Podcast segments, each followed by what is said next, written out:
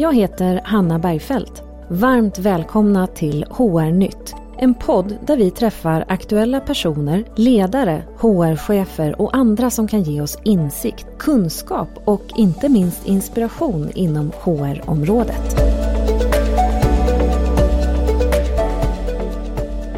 Hanna Gerdes är människorätts och folkrättsjuristen som skriver böcker och föreläser om bland annat mångfald, diskriminering och mänskliga rättigheter. Hon har tidigare arbetat som jurist hos Diskrimineringsombudsmannen, verksamhetsansvarig på Byrån mot diskriminering, likabehandlingsstrateg på Försvarsmakten, utbildningschef på Fonden för mänskliga rättigheter och sakkunnig med ansvar för demokratifrågor på Rosenbad. Hon kan sin sak helt enkelt. Varmt välkommen hit Hanna! Tack så mycket! Vad kul att du kunde komma hit! Mm, jätteroligt att vara här! Och det här är frågor som är i allra högsta grad aktuella alltid, men kanske känns lite extra aktuella just nu tycker jag. Men om vi håller oss till diskriminering först och främst. In, enligt eh, diskrimineringslagen så ska ju alla företag jobba aktivt för att förebygga diskriminering.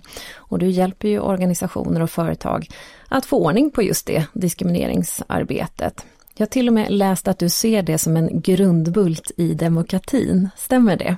Ja men absolut. Eh, en absolut grundbult i demokratin är ju att vi har samma möjligheter och får eh, ja, tillgång till samma möjligheter och förutsättningar. Och då är ju icke-diskrimineringsprincipen absolut grundläggande. Det handlar ju om om man kan gå till affären. Det handlar ju om om man överhuvudtaget har möjlighet att arbeta. Det kan handla om rätten till utbildning, eh, rätten till kultur, att kunna röra sig fritt i ett samhälle, att kunna yttra sig, information. Alltså, egentligen är det ju allt som vårt samhälle, han, eh, allt som är naturligt för oss i vårt samhälle men som på olika sätt vi inte har tillgång till eh, med lika möjligheter idag. Så att det blir ju en fråga om tillgång till demokratin i högsta grad. Verkligen, så blir det. Om man tittar på arbetsgivare i dagsläget då, är man väl rustade, är man väl medvetna om vad egentligen som gäller på, på en arbetsplats idag, tycker du? Så jag tänker både och. Ehm, jag upplever att organisationer och företag i Sverige tycker att frågorna är viktiga. Ehm, men för att kunna jobba med inkludering så behöver man ju också förstå vad exkludering är. Ehm, och det där är ju lite svårt för det finns ju så mycket normer som styr vårt samhälle. Och det gör att man ibland kanske blir blind eh, för det man själv inte eh, upplever eller själv eh, på något sätt får uppleva eller inte får tillgång till. Och det där är ju en utmaning tycker jag idag.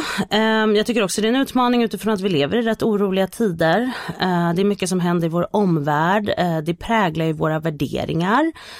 Och såklart så är inte arbetsplatser då fria från det. Det är ju väldigt lätt att man att värdering blir diskriminering så att säga. Att vi övergår från att vi har tankar, egna privata åsikter, det kan vara om politik eller om olika typer av skeden i vår omvärld.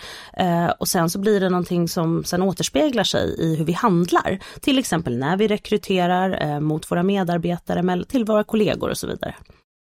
Just det. Och det var så mycket intressant i det du tog upp nu, men från, från värdering till en diskriminerande handling sa du. Vad kan det vara till exempel som, som är en värdering som vi inte tänker på men som faktiskt blir en diskriminering?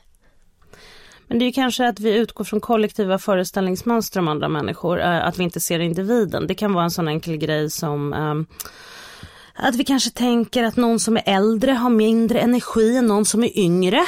Eh, och så kan det ju vara för en person absolut inte för en annan. Eh, vi kanske utgår från att man kan genomföra eller utföra vissa arbetsuppgifter eller inte utföra vissa arbetsuppgifter. Man kanske tänker att eh, du kan inte bli journalist för du är ju blind. Eller du som har en sjal på dig, du kan ju inte jobba på mitt slakteri för du kommer ju inte vilja hantera fläskkött till exempel. Mm. Och så utgår vi från det fast vi aldrig ens har ställt frågan. Nej, just det.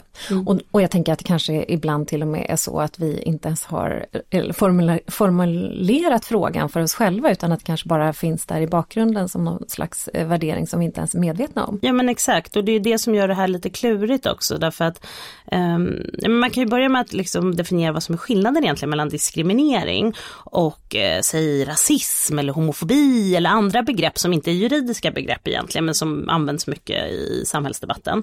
Um, Ja, vad tänker du? Vad är, vad är skillnaden Hanna? Oj, hjälp vilken fråga sådär på, på uppstudsen hade jag. eh, ja, men, Ja, vad är skillnaden? Det finns ju en del likheter skulle jag nog säga för att mm. slingra mig ur den äh, frågan lite grann. Men jag tänker framförallt så, så handlar väl det om de sju diskrimineringsgrunderna, att vi faktiskt i svensk lag har definierat vad som är diskriminering och inte. Eller är jag helt fel ute? Mm, ja men absolut. Ja. Delvis så har det att göra med att det ska finnas en koppling till någon av de här sju diskrimineringsgrunderna. Men det finns en annan sak som är rätt eh, liksom, grundläggande om man tänker på det juridisk bemärkelse. Och det är för att det ska vara diskriminering så är det ju alltid en handling just. Eh, det vill säga att vi kan ju ha åsikter, vi kan ha tankar och apropå värderingar. Och så är det ju, vi lever ju i en demokrati och i en demokrati så har man tankefrihet, man har åsiktsfrihet. Men det är ju när de där tankarna och åsikterna eh, övergår till handlingar som missgynnar någon, där man särbehandlar någon, där man ger någon sämre förutsättningar utifrån just den här värderingen man har. Det är då det kan bli diskriminering. Um, och den är rätt viktig därför att ibland har man en idé om att eh, man gör det här avsiktligt för det var där du började lite i din fråga. Ehm, men gör vi inte sånt här hela tiden utan att tänka på det? Har vi ens formulerat det? Och då skulle jag våga säga jo det gör vi absolut för att det krävs ingen avsikt för att det ska vara diskriminering. Och det är faktiskt väldigt ovanligt om man tänker på det liksom utifrån ett juridiskt perspektiv. För nästan all lagstiftning i Sverige utgår ifrån avsikten. Alltså man tittar ju på vad har du för avsikt, vad har du för uppsåt när man bedömer en handling. Men så gör man inte här.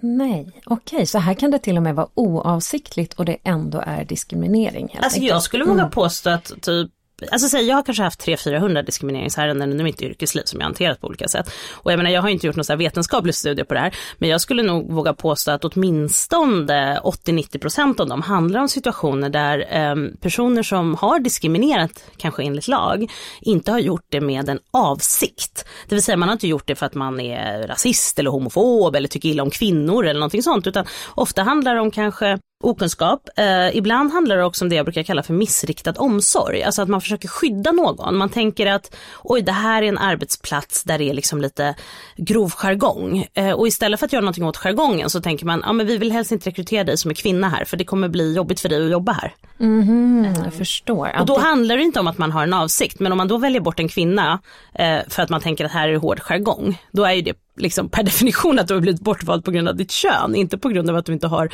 eh, kanske rätt kompetens eller meriter. Så att avsikt krävs inte. Um, men det är värt att upprätthålla sig vid det där ett tag, därför att avsikt är ju som sagt otroligt eh, liksom fundamentalt i nästan all lagstiftning. Um, föreställ dig eh, en situation, nu ska vi ta något så här galet exempel, men om jag, eh, nu sitter du och jag här Hanna eh, och jag är så otroligt irriterad för du har ju samma namn som jag. Ehm, och det här med att någon annan har samma namn som jag, nej men det är inte något som jag tolererar. Så att jag har bestämt mig att det här, det här går inte. Eh, jag har med mig en liten kniv här i bakfickan. Fy vad obehagligt. Ja jätteobehagligt. Vi säger till alla lyssnare att det här är bara ett exempel. Ehm, men jag sticker ner dig med den där kniven. Ehm, vad har jag gjort mig skyldig till då? Ja, mord tänker ja, jag. Ja, mord, eller hur? Ja, här har jag gått omkring och planerat det här, tycker jätteilla om folk som heter Hanna för att det är samma namn som jag har. Men föreställ dig istället att, eh, ja, jag tycker inte det är så jättekul att någon annan har samma namn, men jag tycker inte du förtjänar att dö på grund av det. Så när vi går härifrån så sätter jag mig i bilen, jag ska köra härifrån, du står bakom mig. Eh, jag ser inte det så jag råkar köra på dig. Eh, du ramlar omkull, du är, faller död ner. Usch. Makabra exempel jag tar. Men ändå, vad har jag gjort mig skyldig till då? Eh, ja men då är det väl dråp då kanske? Ja, vållande till annans död. Ja, ja, och vad är skillnaden mm. i de här två? Mm, ja, eh, avsikten. Avsikten, exakt. Aha. Och grejen är varför jag tar det här, förlåt. Nej, nej, men det exempel. Nej, det är, men det är för, så är det, med, jag kan ta ett annat exempel då. Du går in, eh, kanske lite mer vardagligt, du är lite hungrig nu efter vi, eh, efter vi är klara med den här podden. Du är på väg eh, hem, du tänker att jag ska handla lite mat på vägen och eh, du tar du lite, du tänker så här, ah, men gud jag klarar mig inte riktigt hela vägen hem och jag kommer vara så himla himla hungrig när jag kommer hem och ska laga mat till resten av familjen. Jag tar en Toblerone och så äter jag upp den. Mm. Ja, vid vilken tidpunkt har du gjort dig skyldig till snatteri? Oj. Eh, då tänker jag att det har hänt när jag har gått igenom kassan utan att betala. Ja, varför ja. då? Helt rätt! Eh, ja, fick jag ja, rätt nu? Du fick rätt nu. Jag sitter här och känner att jag är på något slags förhör. Oh, gud. Eh, nej men för att man bara vet att man betalar i kassan. Ja, eh, ja. Eller hur? Ja men det gör man ju. Ja. Men, men hur kommer det sig liksom att, att det är okej, eller okej det kanske man inte ska göra, man kan ju vänta tills man kommer förbi kassan. Men varför? Vad går det inte att fastställa egentligen innan?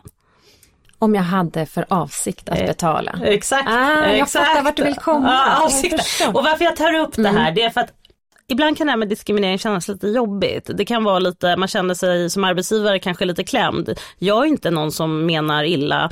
Eh, på den här arbetsplatsen diskriminerar vi inte, på vår arbetsplats har vi inga problem. Och då tror jag att det är liksom, kanske lite skönt att kunna landa i att det här handlar inte om att man nödvändigtvis eh, vill diskriminera. Det handlar inte om att man har liksom, värderingar som betyder att man tycker sämre om kvinnor eller inte tycker att personer med funktionsnedsättning ska ha samma möjligheter eller har en bild av personer med en annan etnicitet än svensk som sämre, utan det kan också handla om att man faktiskt gör saker av okunskap eh, eller omsorg som man tänker men som faktiskt får en diskriminerande effekt. Så det var liksom det som var lite min poäng att så här, det är bra för alla arbetsgivare att tänka på de här frågorna. Eh, för det är ett sätt att undvika att hamna eh, på andra sidan av vad man får göra enligt lag. Ja, men, och, så bra exempel Hanna, ja, det, det kunde ju nästan inte bli bättre. Det har varit otrolig eh, aha-upplevelse här för, för mig gällande just avsiktsdelen.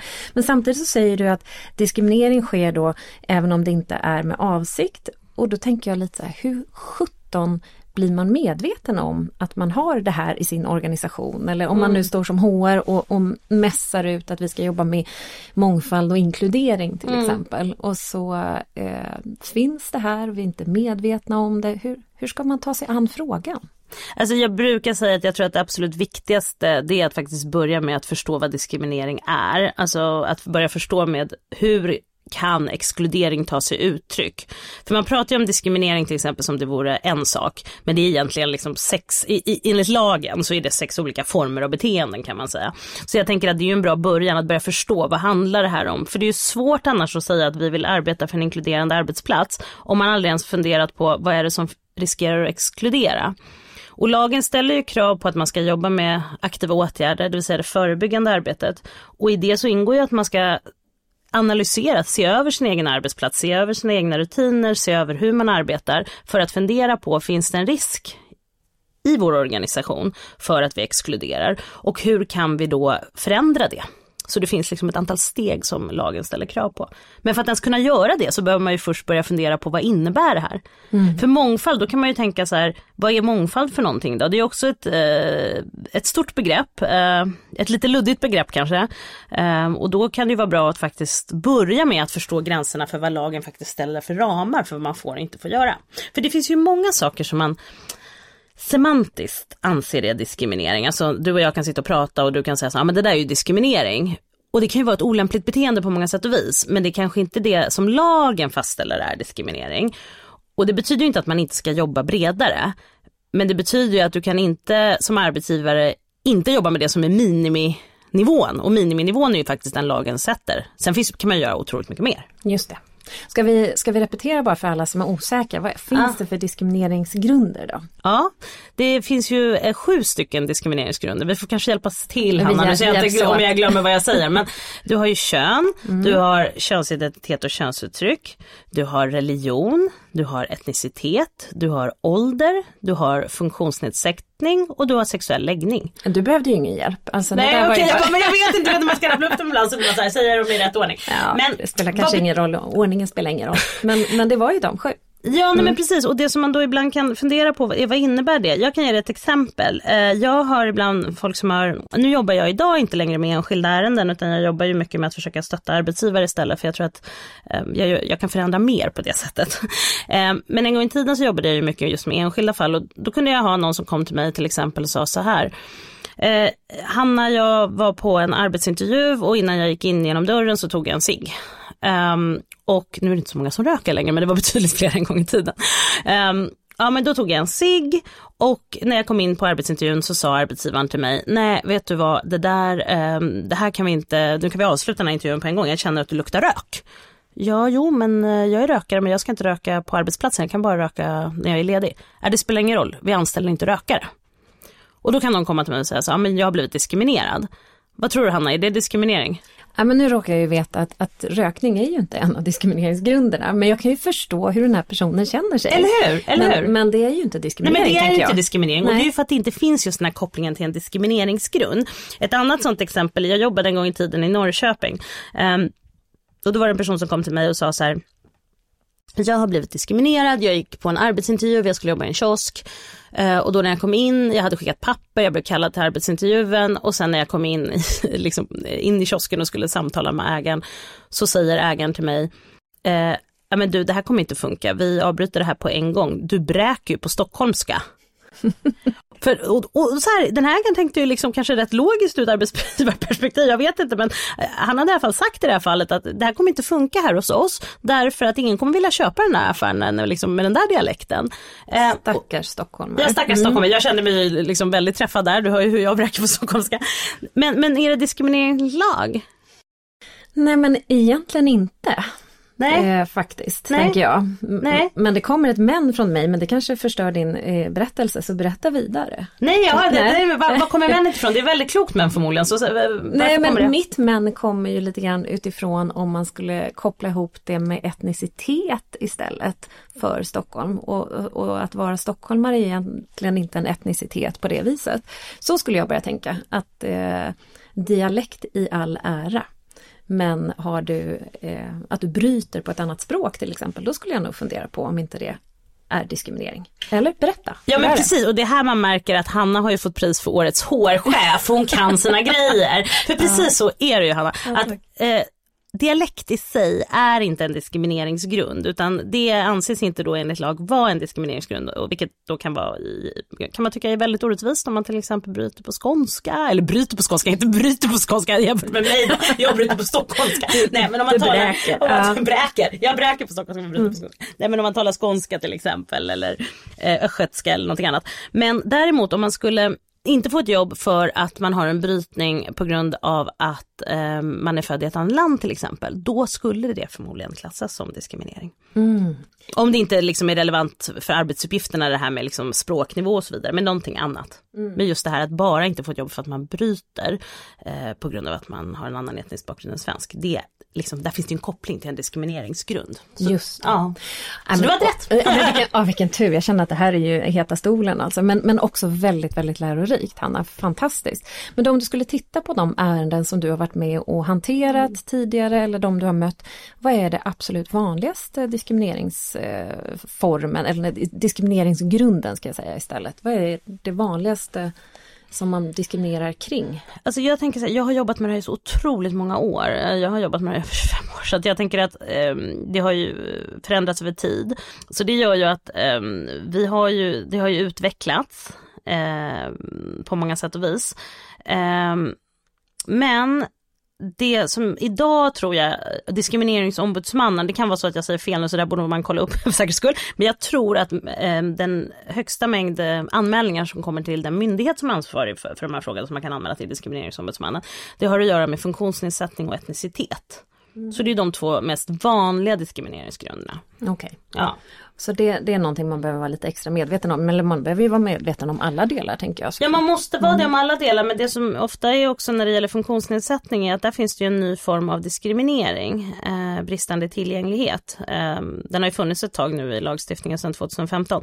Men där ställs det ju krav på dig som arbetsgivare att eh, anpassa på din arbetsplats. Så man ska kunna hamna i en jämförbar situation och eh, kunna utföra sina arbetsuppgifter inom rimlighetens gränser. Då. Ehm, så lagen pratar ju om inom ramen för ekonomiska och praktiska förutsättningar och sådär. Så det finns ju kanske inte någon färdig checklista direkt. Ehm, men det ställs ändå rätt höga krav på anpassning från arbetsgivare och det finns ju många ärenden där det har visat sig vara diskriminering när man inte har lyckats med det. Så att, um, jag vet inte om jag kom bort från frågan. Nej, det var, det var jättebra. Det är flera ärenden där man har misslyckats då med, med bristande tillgänglighet. Till exempel. Vad är, vad är straffet som man som arbetsgivare kan få då om man inte har ordnat det här? Um, ja, alltså så här, enligt det finns väl lite olika kan man säga. Eh, rent rättsligt så finns det något som heter diskrimineringsersättning. Och tanken med den så kallade diskrimineringsersättningen, på, på det, vad det som skiljer den från ett vanligt skadestånd egentligen, det är att man, det ska vara liksom kännbart så att det skapar en avskräckande effekt säger lagen. Eh, och det betyder att det ska vara en effekt som gör att du säkerställer att du inte diskriminerar igen. Sen har inte vi den typ av skadeståndslagstiftning i Sverige som är som den i USA till exempel, så det är inga miljarder miljardbelopp vi pratar om. Eh, så jag brukar säga att en effekt faktiskt eh, som många upplever är kännbar är ju snarare att det är liksom varumärke och renommé och anseende och hur, hur liksom vad det in... Det kanske man kanske inte lyckas locka de bästa talangerna heller om man får rykte om sig att vara en arbetsplats där man diskriminerar. Mm. Så det finns ju många andra bitar av det här som inte har så mycket att göra med liksom att man blir skyldig att betala 100 000 utan snarare att, att det blir en effekt. Jag menar, om framsidan på DN skriver att just ditt företag är ett företag där personer med funktionsnedsättning systematiskt har diskriminerats till exempel eller där kvinnor inte får samma möjligheter eller där man diskriminerar personer på grund av deras religion eller etnicitet. Det kanske inte är liksom jätte, jättebra. Nej, verkligen inte. Nej. nej. nej, det blir man inte en attraktiv arbetsgivare kring, absolut inte. Men nu har vi varit inne på två delar som jag kommer vilja fånga upp, så jag försöker ja. komma, komma ihåg att jag ska göra det också. Men det du är inne på nu, det är ju egentligen eh, formerna för diskriminering, det här med in, bristande tillgänglighet. Ja. Och då hade vi ju eh, sju diskrimineringsgrunder, så ja. finns det också sex former. Kan, du, kan du rabbla dem på samma sätt eller får jag stötta med, med de formerna också? Ja, jag kan rabbla dem. det är direkt diskriminering, det är indirekt diskriminering, det är bristande tillgänglighet. Sen är det två former som man kanske mest har förknippat med till exempel metoo eller och det är ju trakasserier och sexuella trakasserier och det är två olika former av diskriminering men de hör ju tätt ihop. Och sen har du också någonting som heter instruktion att diskriminera. Så det är sex olika eh, former av diskriminering, sätt, sätt som diskriminering kan ta sig uttryck kan man säga. Mm. Mm. Och där kan man gå in och Diskrimineringsombudsmannen har ju en jättebra hemsida tycker jag där man kan gå in och läsa mer och få ja, exempel absolut. kring vad, vad det här handlar om. Det är jättebra. Men metoo sa det, det hände ju massa saker i hela världen under metoo. Jag kan tänka mig att du fick fler uppdrag än, än tidigare kanske eh, i samband med det. Var, var, var är vi i den frågan nu? Har det liksom blåst över eller vad? Hur, hur ser det ut på arbetsmarknaden gällande just den typen av frågor? Alltså blåst över skulle jag nog inte påstå att det har, för det sker ju fortfarande eh, trakasserier och sexuella trakasserier på arbetsplatser i högsta grad. Men jag tror att det var en era som gjorde oss väldigt medvetna och som gjorde att många kanske just tog tag i att arbeta mer systematiskt med frågorna.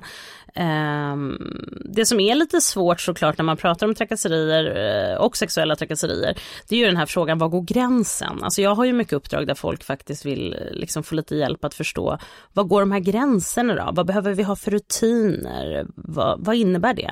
Ehm, för det finns ju också kränkande, eh, alltså kränkande behandling och så vidare, och så vill man veta vad är, vad är skillnaden på det? Alltså, så det är ju mycket sånt. Mm.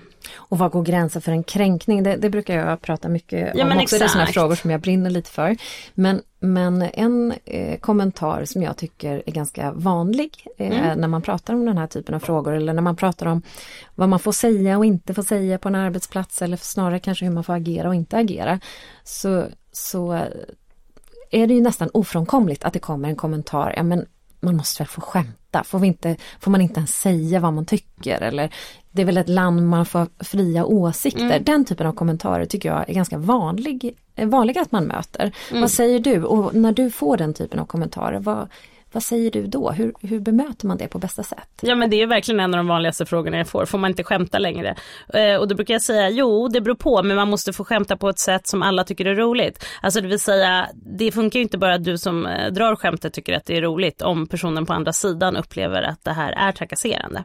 Och det är ju egentligen den, den, den utgångspunkten som lagstiftningen också har. Att eh, lagstiftningen definierar ju inte att det är exakt de här handlingarna för det hade ju varit omöjligt därför det skiljer ju sig från situationen situation till situation. Utan den utgår ju från just hur upplevelsen. Och vad betyder det? Det betyder ju inte att varje gång jag upplever att någonting är trakasserande så är det nödvändigtvis alltid det enligt lag. Men man utgår från den enskilda personens upplevelse. Jag kan ge ett exempel för att tydliggöra det. Mm. Eh, föreställ dig att du jobbar på en arbetsplats eh, och på samma arbetsplats arbetar till exempel din partner. Om din partner då på en rast kommer, lägger armen runt dig, ger dig en puss på kinden, då kanske inte du upplever den närheten som trakasserande eller som sexuella trakasserier. Eh, och gör du det så kanske ni inte borde vara tillsammans, jag vet inte. Men däremot om en annan kollega kommer som du absolut inte har någon närmare relation till, helt plötsligt börjar den här personen lägga handen runt dig, börjar pussa på dig det kanske känns lite väl intimt, eller hur? Då kanske mm. du upplever det här verkligen som eh, att man har gått över gränsen och att det är sexuella trakasserier. Det är ju samma handling, men situationen skiljer ju sig åt eftersom det har att göra med att det är olika personer till exempel. Så utifrån det så har man, liksom, man utgår alltid från upplevelsen hos den som då känner att man har blivit trakasserad. Eh, och sen utifrån det så tittar man då på vad är det som faktiskt har hänt. Um, och då finns det ett annat sånt här kriterium, vi pratade om avsikt förut, så mm. då finns det i lagstiftningen någonting också som heter insikt, insiktskriteriet kan man säga. Och det betyder att personen som då eh, ska ha trakasserat eh, behöver ha eller borde ha, ha haft insikt om att det här skulle upplevas som trakasserande. Och vad betyder det? Jo men det betyder att vissa typer av handlingar, de är ju så pass liksom över gränsen att där kan man ju bara liksom konstatera att du borde haft insikt kring att det inte var okej att gå fram och ta, fram, ta din kollega på brösten. Liksom. Alltså det, det gör man liksom inte. Så där behöver inte jag säga så nej men jag vill inte att du det är väldigt tydligt. Men det kan ju finnas många saker som är mer subtila. Eh, komplimanger till exempel. Oj vilken fin klänning du har. Alltså det kan ju vara en komplimang om man blir jätteglad men det kan ju också vara åh vilken fin klänning du har för tionde gången eh, på raken. Eh, och samtidigt så vilar ögonen på dina bröst. Och det kanske inte alls känns okej. Okay. Och då om jag har varit tydlig och sagt så här, vet du, jag skulle föredra att vi inte pratade om mina kläder utan att vi pratade om arbetet istället. Då kan man inte sen hävda att man inte hade insikt i att personen kanske upplevde att det här var över gränsen så att säga. Så det är därför man säger just, har den här personen insikt eller borde den haft insikt? Och därför brukar jag alltid rekommendera att Eh, liksom, tycker du att någonting inte känns okej, säg det, säg ifrån. Och känner du att du själv inte vill det på grund av makt, liksom, det kan finnas maktstrukturer, det kan handla om en överordnad eller kanske en kollega som man känner är obehagligt. Ja men då kan du ju alltid få stöd, du kanske kan prata med en annan person i din närhet, det kan ju vara en chef, det kan ju vara facket. Men, men är det ett beteende som pågår som, är, som du upplever som trakasserande, då ska du ju säga ifrån. Jätte jättebra och jag, jag, tycker att det är ett så otroligt bra och konkret eh, tips.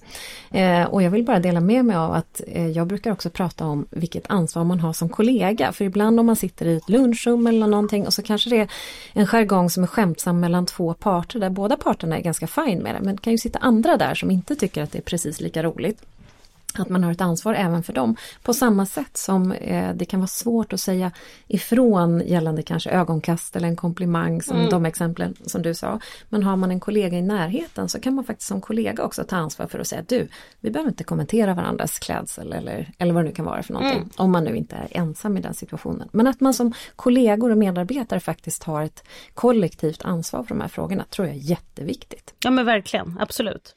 Och som HR kan man kanske eh, prata om de här frågorna, mångfald, inkludering, men, men också att liksom ge exempel på vad är trakasserier, vad är kränkande behandling eh, och att göra folk medvetna redan från, från start, om man nu får säga start, kan ju också hjälpa till att få både insikt eh, om vad som är ett okej beteende eller inte.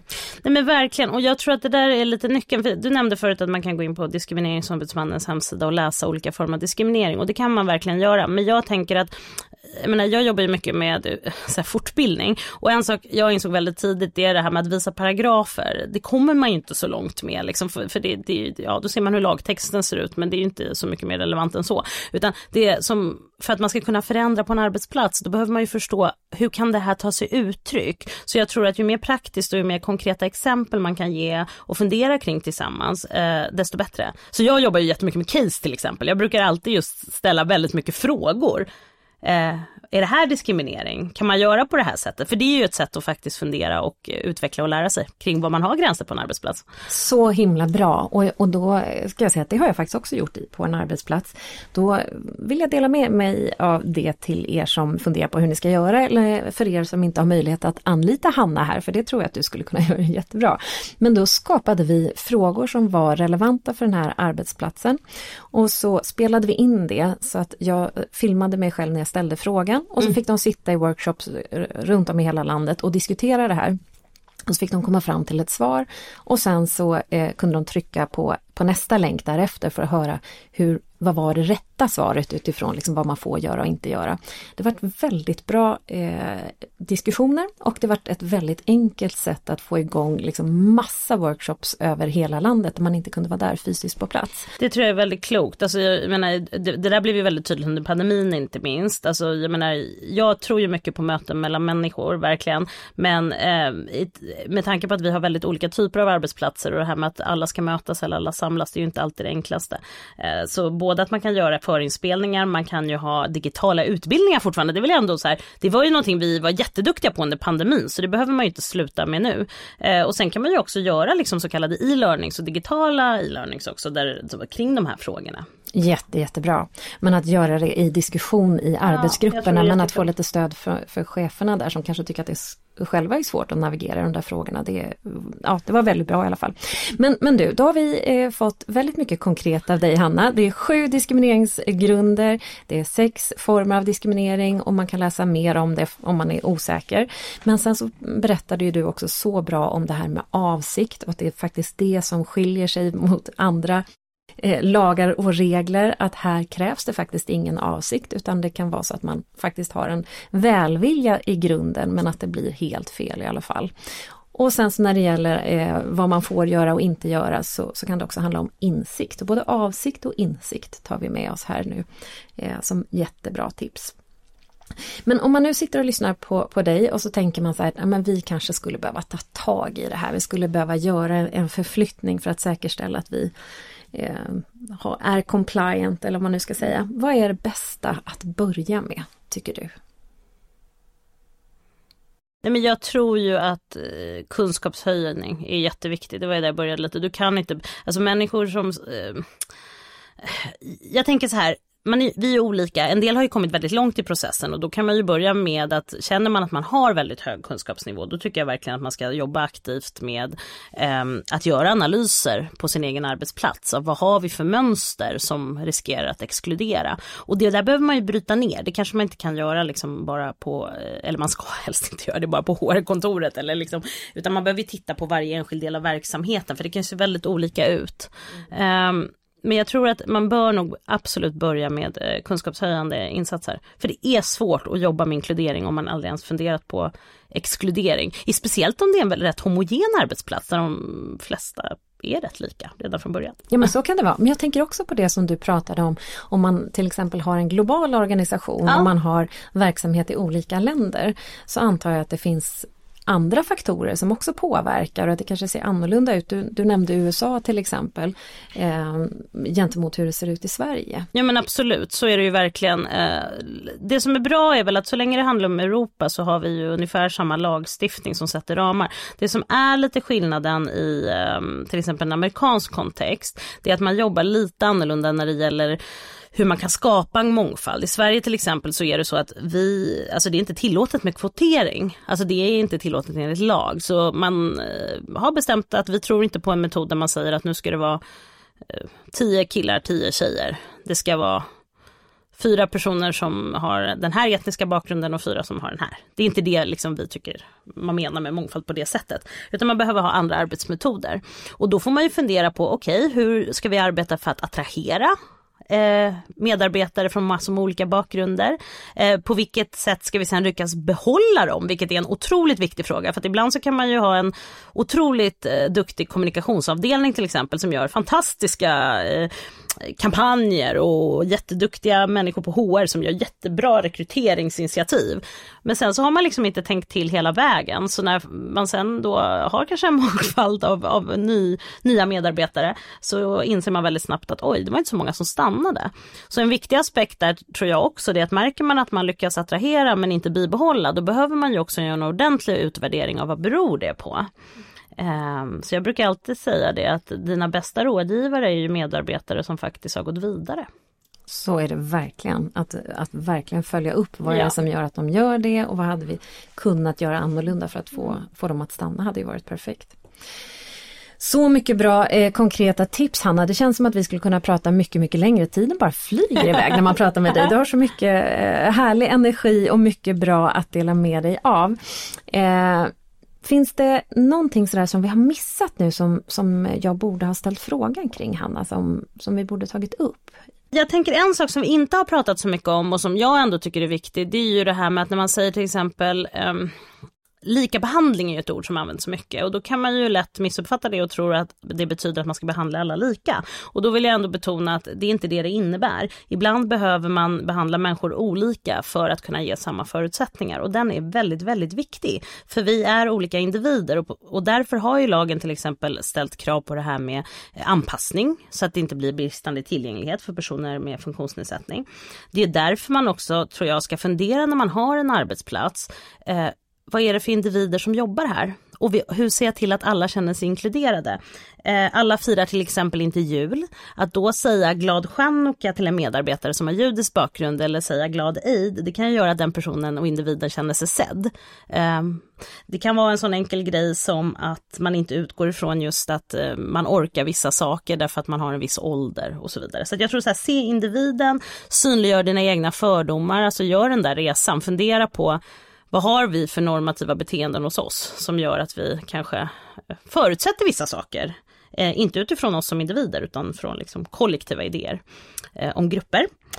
Ehm, men sen en annan grej som jag tänker om man tänker lite så här vad man börjar framåt. Jag tror att man behöver ha vissa komponenter på plats. Alltså delvis måste man ha en riktning och då tänker jag att det är viktigt att hela organisationen, helst ska ju det här vara förankrat i ledningen. Eh, därför att ofta är det ju någon fantastisk eldsjäl på HR-avdelningen som sitter och tycker att det här är viktigt. Och det kan ju vara så, ibland så kanske man behöver eh, då kanske få stöd, ta in extern hjälp, göra annat för att få igång det här samtalet. Men det behövs en riktning och den behöver vara förankrad eh, hela vägen upp i högsta ledningen. Och sen behövs det ju en resurssättning också, alltså som är väldigt tydlig. Att man, alltså nu tänker jag resurser, då tänker jag ju att, att man faktiskt avsätter tid för det här, att medarbetarna får avsätta tid för detta. För det är en viktig del av liksom kärnverksamheten. Det är så lätt att tänka att det här är någon sidofråga, men det är det ju inte, för det här är ju en förutsättning för, alltså med ett privat företag så är det här en förutsättning för produktivitet, för tillväxt, för att man ska kunna vara trovärdig både mot kunderna men också liksom till, att ens viktigaste resurser som är medarbetarna faktiskt ska må bra och prestera.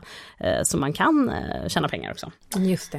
Um, Medarbetarengagemang tänker jag, eh, ja. om, om, inte annat. Så det, det tänker jag. Och sen så tänker jag att det är, även om man kanske kan göra det som en punktinsats för att få en del saker på plats, så känns det ju samtidigt som ett arbete som faktiskt aldrig blir klart. Att man kanske måste tänka att man ska fortsätta jobba med de här frågorna över tid, att det inte bara blir en sån one time off. Det tror jag är nästan det viktigaste av allt. Alltså, jag brukar säga också att, jag menar, och det ställer ju lagen krav på vill jag också vara väldigt tydlig med, att när man pratar om aktiva åtgärder då är inte det någonting som är förut. Man har ju förändrat lagstiftningen. Många tror ju fortfarande att vi har sådana här Eh, krav på oss att vi ska göra olika typer av jämställdhetsplaner och likabehandlingsplaner. För det var så det såg ut förut i Sverige, att man skulle ta fram planer för att berätta så här ska vi jobba. Och sen när man då hade gjort det som stod i planen, då tänkte man att man var klar. Så är det ju inte idag, utan nu ställer ju lagen krav på att man kan visa just den här processen. Att man faktiskt ser över sin arbetsplats, funderar på om det finns någonting som exkluderar, att man analyserar varför, att man tydligt berättar hur man ska åtgärda det, att man dokumenterar vad man gör